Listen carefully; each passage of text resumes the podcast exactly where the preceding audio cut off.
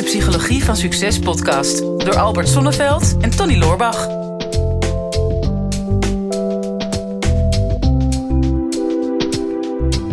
Tony, als jij aan bedrijfscultuur denkt, waar denk je dan aan?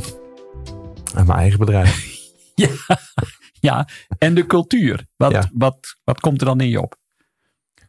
Ja, eh, ja, een feestje. Familie komt er dan bij mij op. Ja. Ja, ik word helemaal blij van. We gaan binnenkort eh, verhuizen naar ons nieuwe kantoor. Oh, en mag ik eh, ook mee trouwens? Ja, nou ja, de studio gaat mee. Dus je mag ook mee. Ja, we zijn aan het verhuizen. Dus plakken we Oh. zo even een post-itje op je dat jij ook mee moet. Ja, Dat we je niet eh, op marktplaats zetten. Maar fijn. nee, ja, nee, als ik daaraan denk, weet je, dan, eh, zie ik dat helemaal voor me. Ik, ik ben al jaren aan het bouwen aan een team.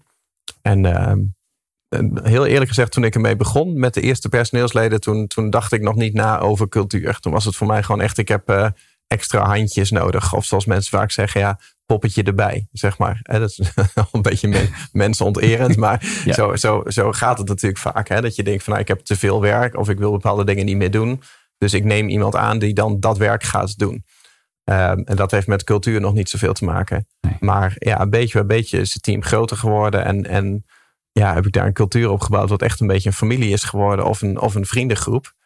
En ja, ik, ik, ik word ook altijd heel blij van gewoon tussen die mensen zijn. Dat, dat, is, dat is mijn associatie bij cultuur. Ik zie het, Tony. Je, gaat gewoon, je, wordt helemaal, je veert helemaal op. Je begint licht te geven in het donker. Het is Ja. echt gewoon niet normaal. We hebben die lampen niet eens meer nodig hier in de studio. Nou, ik vind dat. ehm, ik, ik, ik maak wel eens grappen over. Ik hou niet zo van andere mensen. En ik ben ook mijn business in mijn eentje gestart met het idee van. Ik wil alleen aan de keukentafel met mijn laptop. Geen kantoor, geen personeel, geen moeilijke dingen. Gewoon eh, vrijheid. Ja. Ehm, en dat is later is dat heel erg veranderd. Ik had niet verwacht dat ik zeg maar de cultuur bouwen. Dat ik dat het leukste aspect van, van het ondernemerschap zou gaan vinden. Ja. Nou, mens, mens mag veranderen. ja. ja. Nou, en daar gaat de vraag dan ook precies over. Ja. Want ja. het gaat over ook veranderen. Maar hoe verander je nu een ingebakken eh, bedrijfscultuur volgens mij? Ja, vraag van Kiki. Ehm, die vraagt dat inderdaad. Hoe verander ik een ingebakken bedrijfscultuur? Eh, ze zegt de toelichting, ook nog wel nuttig. Ehm, wanneer je als nieuwe manager binnen een bestaand bedrijf start, eh, dan is er eh, en hier een vastgeroeste cultuur heerst die het bedrijf niet ten goede komt. Hoe verander je dan die cultuur en zorg je dat de medewerkers ook echt achter je gaan staan? Ja. Ja. Nou ja, dat Moeilijk. is. eh, ik, ik denk bij heel veel mensen wel ehm, herkenbaar. Als je zeker Mhm. in een wat groter bedrijf. Ik heb het niet zozeer over een start-up. Hè, want eh, ja, goed, er is alles nog nieuw. Mhm. Maar zodra een bedrijf een aantal jaren bestaat. Dan, dan zie je gewoon bij wijze van spreken de, de looppaden al Ja, een beetje hoe de hazen lopen. Ja. Ja. door, de, door, het- door het kantoor en door de, door de gang gaan. Want dat is natuurlijk wel wat er gebeurt. Hè? Dus, dus een, een, een, een bedrijfscultuur is een, is een groep mensen eh, binnen een gebouw. Mhm. waar ja, bepaalde gewoontes ehm, worden aangenomen. Ja, En- of, of zelfs op afstand. Ja, ja, Met, met, met thuiswerken en eh, virtuele medewerkers en Z, ZZP'ers. ja absoluut. Ehm, en en dan, dan krijg je al vaak als, eh, al gauw als, als, als opmerking als je daar nieuw binnenkomt. Ja, zo doen wij dat nu eenmaal hier. Zo gaat dat hier. Ja. en en eh, ja, niet te veel waarom vragen stellen, want Mhm. ja, dat verstoort de orde. Mm. Nou, we weten allemaal, hè, de, de natuur doet niet aan energieverspilling. Mhm. Dus om bepaald gedrag aan te leren, ja, dat kost even energie. Maar als het er eenmaal in zit, Mhm. willen we dat ook niet veranderen. Nee. En dan zie je ook dat, ja, voor je het weet, ben je daar een onderdeel van. Want dan ja, kom je aan bij het kantoor. Hè, er maar even vanuit gaan dat er ook een parkeerplaats is. Mhm. Het liefst zet je dan na een aantal weken jouw auto toch wel op exact dezelfde parkeerplaats als waar je hem gisteren ook neer hebt gezet. Ja. En oh wee, die, eh, de behanger die dan eh, zijn Mhm. auto op jouw plek heeft gezet. Mhm. Daar begint het al. Nou, dan shock je naar binnen. Waarschijnlijk hang je je jas op dezelfde kapstok. Mhm. En eh, start je je computer op dezelfde manier op. En nou, ga je op dezelfde manier je bakje koffie halen. En, en dat is een ingesleten patroon. Ook al zou je dat al willen veranderen, Mhm. dan merk je al bij jezelf hoe lastig dat het is. Ja. Nou, dan kom je als manager ergens binnen. En dan zie je van ja, zo zou ik het nooit doen. Of dit is helemaal niet efficiënt of effectief. Dit wil ik gaan veranderen. Mhm. Waar begin je dan? nou ja, in, in eerste instantie, en dat hebben we al zo vaak in de podcast gezegd. Ja, mensen gaan pas veranderen als de pijn groot genoeg is of het belang is groot genoeg. Mhm. En ik zal nooit uh, vergeten dat ik uh, bij een, uh, bij een nou ja, dat was een overheidsinstantie kwam. In Mhm. een bepaald ministerie, ik zal de naam niet noemen. Mhm. En um, ik werd gebeld door een directeur en die zei van nou, ik, zou jij hier de cultuur willen veranderen? Mooie opdracht. Ja, ja. ja maar Ja. ook specifiek naar, naar welke cultuur of maakt het niet uit? Het was gewoon alles beter dan wat het nu Ja, is. alles, alles wat het was. Ja. Dus ik kwam daar aan, ding dong. Weet je, ik had me keurig aangemeld. En ik, ik kom de lift naar boven. En ik kom op de betreffende afdeling. En ik stap de lift uit. En in de gang st- stonden al, ik weet niet hoeveel stapels dossierdozen. Mhm. Ehm, en waarvan ik aan die, aan die directeur vroeg. Ik zeg maar, wat doen die dozen? Ja, we hebben niet zoveel plaats. En eh, ja, dit is ook onze achterstand. we doen aan een clean desk policy. Oh ja. Dus we pleuren alles maar in de gang. Hm. En moet je je voorstellen dat, dat als je s'morgens naar je werk gaat en je wordt al geconfronteerd met een hele lading eh, eh, archiefdozen waarvan je weet dat is mijn werk. Mhm. En dan, dan zit ik niet eens achter mijn bureau. Nee. Dus, dus een van de dingen die ik al tegen hem gezegd is, ja, begin met het veranderen van de omgeving. Waar je die archiefdozen laat, het maakt me niet uit op zolder of in de kelder of wat dan ook. Mhm. Maar ga mensen niet vanaf de eerste minuut dat ze de lift uitstappen al confronteren met achterstallig werk. Want Nee. dat werkt enorm demotiverend. Ja. Dus, dus een van de tips die ik nu al ga geven is zorg in ieder geval voor verandering van omgeving op het moment dat je in een bestaande vastgeroeste cultuur stapt. Nou, kijk, het is natuurlijk de vraag een beetje van ehm, wat voor cultuur wil jij creëren en eh, past dat ook bij het bedrijf waar je in zit? Kijk, ik heb de luxe gehad dat ik het helemaal van, van de grond af aan heb opgebouwd. Ja. Ehm, ik, heb, ik heb twee keer meegemaakt dat er een verpeste cultuur was en, en, en eh, één één keer binnen mijn eigen bedrijf.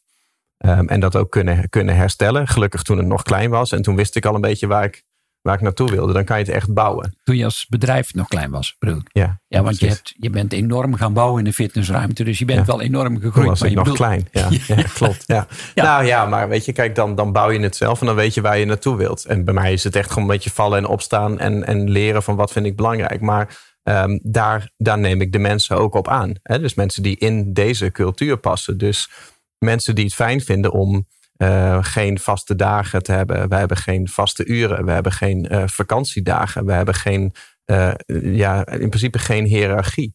We hebben geen functieafbakeningen. We hebben, wij hebben verantwoordelijkheden. Dus ik zie het hele bedrijf als een groep mensen die samen onderweg zijn naar hetzelfde. Ehm, en die allemaal een stukje van het bedrijf hebben gepakt. Waarvan van zij zeggen van dit stukje van het bedrijf is mijn verantwoordelijkheid. Ehm, en ik weet waar het naartoe moet. En ik weet welke middelen ik tot mijn beschikking heb. Maar ik geef daar zelf invulling aan. En als ik daar hulp bij nodig heb, dan vraag ik het management. Dus, dus Mhm. dat is meer het, het, het, het dienend leiderschap. Maar ik heb ook wel eens gezien dat wij mensen in dienst hadden die, die daar moeite mee hadden. Die zeiden ja, ik heb moeite met die vrije invulling. Ik, ik krijg liever te horen van jou wat ik moet doen per dag in plaats van dat ik het zelf moet verzinnen. Nou, dat, dat kan. Hè? Dus als jij binnenkomt in een bedrijf met alleen maar mensen die dat gewend zijn en die ervoor gekozen hebben om bij zo'n bedrijf te werken, ehm, dan wordt het heel moeilijk om daar een hele andere cultuur van te maken Ja. omdat jij dat wil. Ik denk ook niet dat je dat moet willen. Ik denk dat als je voor zo'n opdracht staat en je komt als manager binnen, dan is inderdaad de vraag van hoe zorg ik ehm, dat, dat eh, ja, ik weet niet meer hoe het verwoord werd, niet per se dat, ja, of dat mensen achter me gaan staan. Eh, Ja. Of, of naast je, maar, Ja. maar in ieder geval niet tegenover je. Ja. En eh, hoe zorg je ervoor dat het bedrijf dat die doelen bereikt die jij wil behalen en, en dat, dat, dat jouw team gelukkig is? Dat is, dat is een beetje de vraag. Ja. En ehm, dan, dan kun je wel gaan managen. Ik denk niet dat je mensen kan managen. Hè. Werk kan je managen enigszins. Mensen kun je niet managen. Hè. Dan, dan wordt het namelijk controleren. Ehm, mensen kan je alleen maar inspireren. Je kan mensen namelijk ook niet overtuigen. Of, ehm, of delegeren. Of omdat dat het organogram nou eenmaal zegt dat jij de baas bent. Dat ze daarom moeten doen wat jij zegt. Dat, dat werkt op een heel bazaal niveau. Maar dan stomp je mensen af en dan stijgen ze niet meer boven zichzelf uit. En dan doen ze het ook niet meer voor jou. Dan doen ze het voor hun lijfsbehoud. En ik denk, je moet op zoek gaan naar hoe kan ik ervoor zorgen dat ik eh, een maatwerkoplossing heb. Dat het de menselijke maat erin zit. Dat ik een band creëer met mensen. Ehm, en dat ik ze inspireer om, om de stappen te zetten naar de richting waar, waar ik zou willen. Ja. In plaats van dat je ze gaat overtuigen. Ja, dus het begint altijd weer hè, met tussen aanhalingstekens opvoeden. Opvoeden is voorleven. Mhm. En ehm, ja, als je pas, pas als je helder hebt wat jij dan onder cultuur verstaat. Want het is natuurlijk ook alweer makkelijk gezegd, ook weer zo'n containerbegrip. Mhm. De bedrijfscultuur. Ja. Ja, dat, dat is altijd een dynamisch iets. Eh, het, het is altijd, en dat, dat merk ik. Hè. Ik, heb, ik heb ooit een training gedaan, organisatieopstellingen. Dat, Mhm. dat is een beetje afgeleid van eh, familieopstellingen. Dat hebben we ook een keer met jou gedaan. Ja, dat hebben wij ook een keer gedaan. En, en dan, dan zie je al dat als je, als je zo'n zo'n opstelling hebt hè, van een groep mensen. En je, je zet daar één poppetje, één mens bij. Of je haalt er één mens af. Of je verandert de, de hiërarchie. Eh, als je, als je zo'n open ruimte hebt. En je zet de leider bijvoorbeeld in het midden. Mhm. En je vraagt dan aan de leider. Van goh, formeer daar eens je mensen omheen. De een wat verder weg en de ander wat dichterbij. Wat ontstaat er dan? En dan, Mhm. dan zul je zien dat dat is bijna eh, ja, confronterend. Van goh, ja, ik, ik heb die in de zaal ook verder van me afgestaan. Maar in werkelijkheid staat hij ook verder van me af. Ja. En ja, ik merk dat, dat ik me gesteund voel door de personen die achter me staan. Maar degene die voor me staat, daar heb ik geen contact mee. Nee. Ja, dus als je iets wil veranderen, ehm, heb, je, heb jij die plek al in dat team, Mhm. systemisch gezien. Ja. En want ik heb wel verandermanagers gezien, die werden dan ingehuurd ehm, eh, om een bepaalde afdeling of zelfs een bepaald bedrijf te veranderen. Ehm, nou, die komen dan binnen. eh, hallo, ik ben eh, die en die. En die stappen de bedrijfskantine in. Die slaan de hele rij over hè, met Mhm. hun dienblad. Die gaan meteen vooraan staan, want ja, ik ben nu hier de leider. Mhm. En ehm, degene die altijd in de kantine werkt of eh, in het magazijn, die altijd braaf op zijn beurt wacht, die wordt meteen ingehaald. Mhm. Ja, dan weet je al dat klopt systemisch niet. Hè? Dus, dus je, je zult je plek moeten verdienen. Dus dat betekent ook al ben je manager, ook al heb je nog zo'n dik salaris. Begin achteraan in de kantine met, je, met je dienblad. Mhm. En geef de anderen ruimte totdat je langzaam maar zeker anderen jou voor laten gaan Mhm. omdat vanuit een soort natuurlijk respect dat jij die leiderschapsplek verdiend hebt. Je ziet dat in de natuur ook. Mhm. Is het, is, daar zie je ook altijd hè, één leeuw en heel veel leeuwinnen. Heb je, het lijkt wel een beetje op jou, Tony. maar Qua wilde manen bedoel jij? Onder andere, maar ik zie je ook altijd zo ergens, eh, ergens in het Afrikaans landschap met een aantal leeuwinnen eromheen. Daar zou je wel goed over om Ik ben denk ben ik. weer een tijger, denk ik. ja. Maar goed. Ja, en op een gegeven moment zie je daar he- het gevecht in de hiërarchie. En bij apen Hmm. zie je dat hè, in de, de Ja, dan apenrots. je mij niet aan het wijzen. Je zegt bij apen zie je dat. Ja, ik ga er nog, uit, nog steeds vanuit dat steeds nog, nog meer mensen audio luisteren dan dat ze het eh, YouTube kijken. Dus eh, ik kan nog even wijzen, maar straks niet meer. ik mag inderdaad ook graag met mijn broek op mijn enkels boven een rots gaan zitten. Om een dominantie aan te geven. Maar verdien die plek. Hè? Dus er zijn. eh, Ja, ik, in het verleden heb ik het ook wel gedaan van die high-sessies. eh, Hmm. waarin je dan eh, ja, met, eh, met brown paper. eh, Zal een heipaal de grond in ging slaan. Dat was hij-sessies en zij-sessies. Het was er allemaal. maar ah, vaak werd er dan op maandag gezegd van oké, nou gaan we weer normaal doen. En dan, dan zag je alles weer terugvallen in het oude patroon. Ja. Dus wil je echt iets veranderen, dan is de eerste vraag: oké, wat versta ik onder cultuur? En de mensen die er werken, hebben die datzelfde begrip daarbij? Dat is, Ja. dat is de eerste vraag die je eh, gaat hebben. Dus of één op één of met groepjes. Wat, wat vind je op dit moment van de, van de cultuur die er is? En wat zou je daarin willen veranderen of verbeteren? En hoe zou, wat zou mijn bijdrage daarin kunnen zijn? Mhm.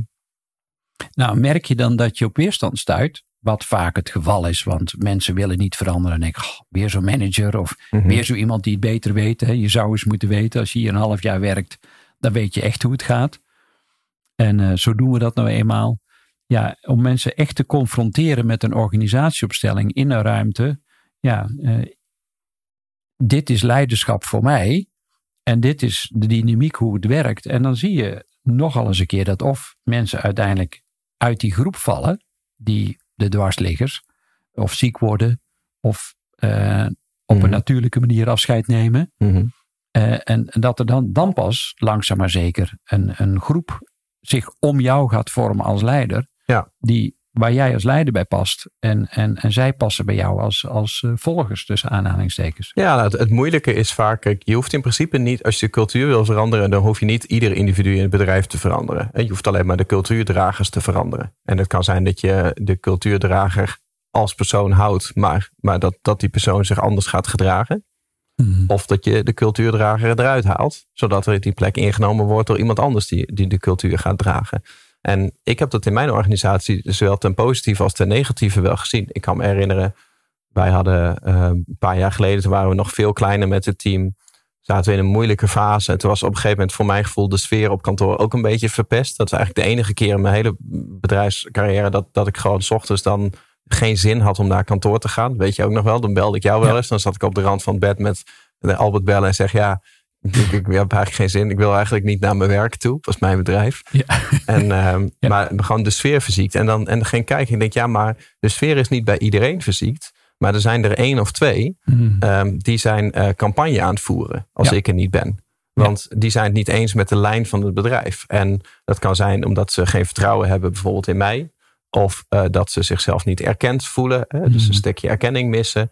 Um, of dat ze, dat ze angstig zijn voor de toekomst. Hè? Dat ja. kan verschillende motivatie hebben. Maar, ze zijn dol op rotte appels, kan ook. Ja, zou, zou kunnen. Ja, maar meestal is dat, kijk, dat, dat is voor bijna iedere, iedere uh, bedrijfseigenaar, ondernemer, manager, is dat wel bekend. Dat als jij een tijdje weg bent van kantoor en je komt terug, dan merk je dat de cultuur veranderd is in jouw absentie. Hmm. Want meestal is iemand uh, met een toonaangevende persoonlijkheid, een cultuurdrager, die is opgestaan. Um, en die, die wil uh, het schip de andere kant op sturen. En dat is soms puur en alleen maar om er je eigen sausje aan te geven. dat je denkt van ik wil iets anders dan de manager en daar haal ik mijn erkenning uit. En dat zijn vaak mensen die, die stilletjes aan campagne aan het voeren zijn.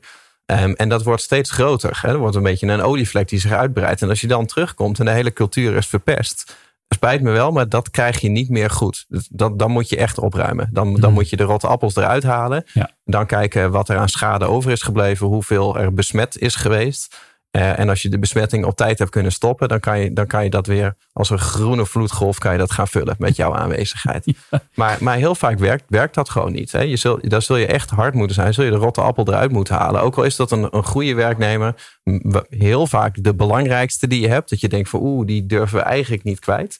Maar je merkt eigenlijk altijd dat als je het wel doet, dat, dat een, een paar dagen daarna dat je al niet meer kan herinneren waarom het nou zo'n groot probleem was. Juist dus dus daar, daar, daar zit het vaak. Maar het kan ook zijn dat, dat iemand er niet per se uit hoeft.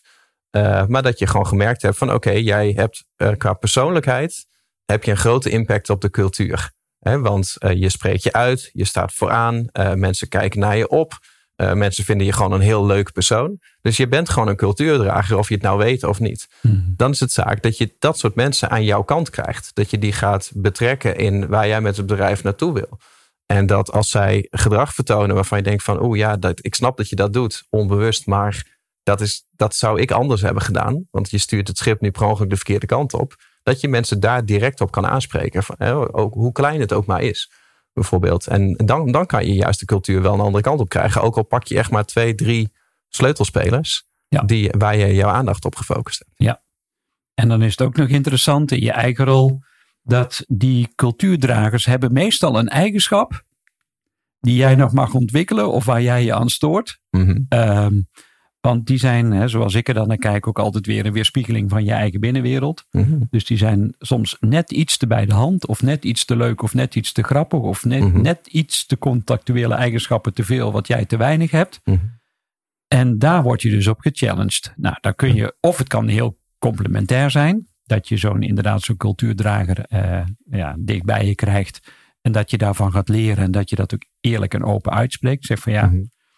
ik, vind, ik ben een beetje jaloers op jouw eigenschap. Ik wou dat ik daar ook wat meer van heb, maar zou je me daarin kunnen leren? Hè? Dan, mhm. dan stel je gelijk ook humble, uh, dienstbaar op. Mhm.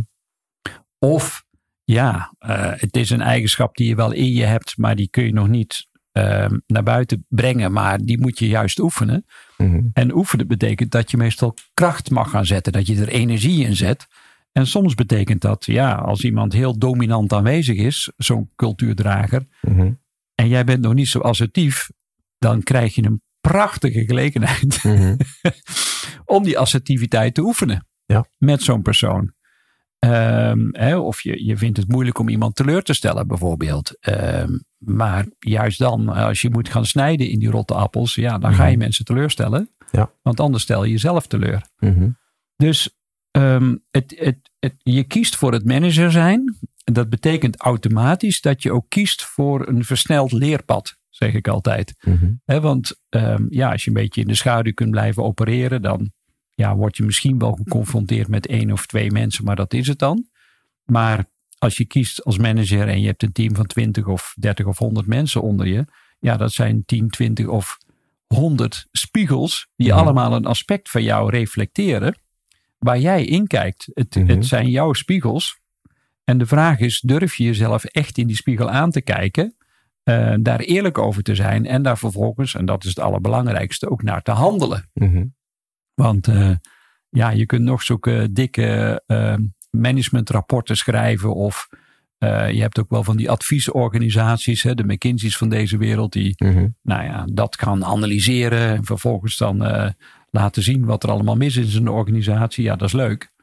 Maar vervolgens moet je er wel naar gaan handelen ook. Mhm. Dus je ontkomt er niet aan dat je vanaf dag één eerlijk ehm, gaat kijken welke mensen jij eh, belangrijk acht om mee te gaan werken aan de cultuur die voor jou belangrijk is. Mhm. Ehm, ook de, de communicatiestijl daarbij aanpakt. Hè? Want dat gaat ook nog wel eens een keer mis. Hè? Dus eh, we hebben het wel eens gehad over de managementstijlen van Hershey en Blanchard. Het situationeel leiding geven Mhm. dat je bepaalde cultuurdragers, ja, die zul je meer moeten coachen. Mhm. Anderen zul je veel eh, directieven moeten aansturen. Anderen kun je al dingen aan delegeren. Maar je moet per persoon heel goed weten wat die ander nodig heeft van jou als, Mhm. als leider. Ja. Ehm, dat vervolgens communiceren. En ja, wat altijd weer blijft is zeggen wat je doet en doen wat je zegt. Mhm. Ja, nou, laatste wat ik daar nog aan toe wil voegen. Weet je, als je, als je in zo'n proces zit en, en je gaat een andere kant op, bijvoorbeeld met het hele bedrijf. Je denkt van nou, zo, zo deden we het, maar zo gaan we het doen. Eh, als het een waarvan akte is, ehm, dan, dan, dan wordt het bijna nooit geaccepteerd. Zelfs niet als mensen het met je eens zijn. Ehm, dan, dan, dan, dan, dan wordt het van bovenaf opgelegd. Hmm. Ehm, en ik merk dat eigenlijk elke keer als ik eh, bijvoorbeeld gestrest ben, of als ik gehaast ben, of ik heb een wat korter lontje, dan heb ik de neiging om een snellere beslissing te nemen en zeggen: Ja, dit is gewoon de beslissing, ik ga het verder niet uitleggen, zo gaan we het doen. Even een powerplay, zeg maar. En dat kan af en toe wel, maar, maar je krijgt mensen eigenlijk nooit echt lekker mee. Hè? Mensen, mensen gaan vanuit een bepaalde eh, ge- geforceerde energie dan voor je werken, maar niet meer omdat ze het omdat, je, omdat ze het je gunnen. Ze doen het niet meer voor jou. Ze doen het in ieder geval niet meer voor zichzelf. Ehm, dus, dus, dus laat je niet verleiden om het waarom niet uit te leggen.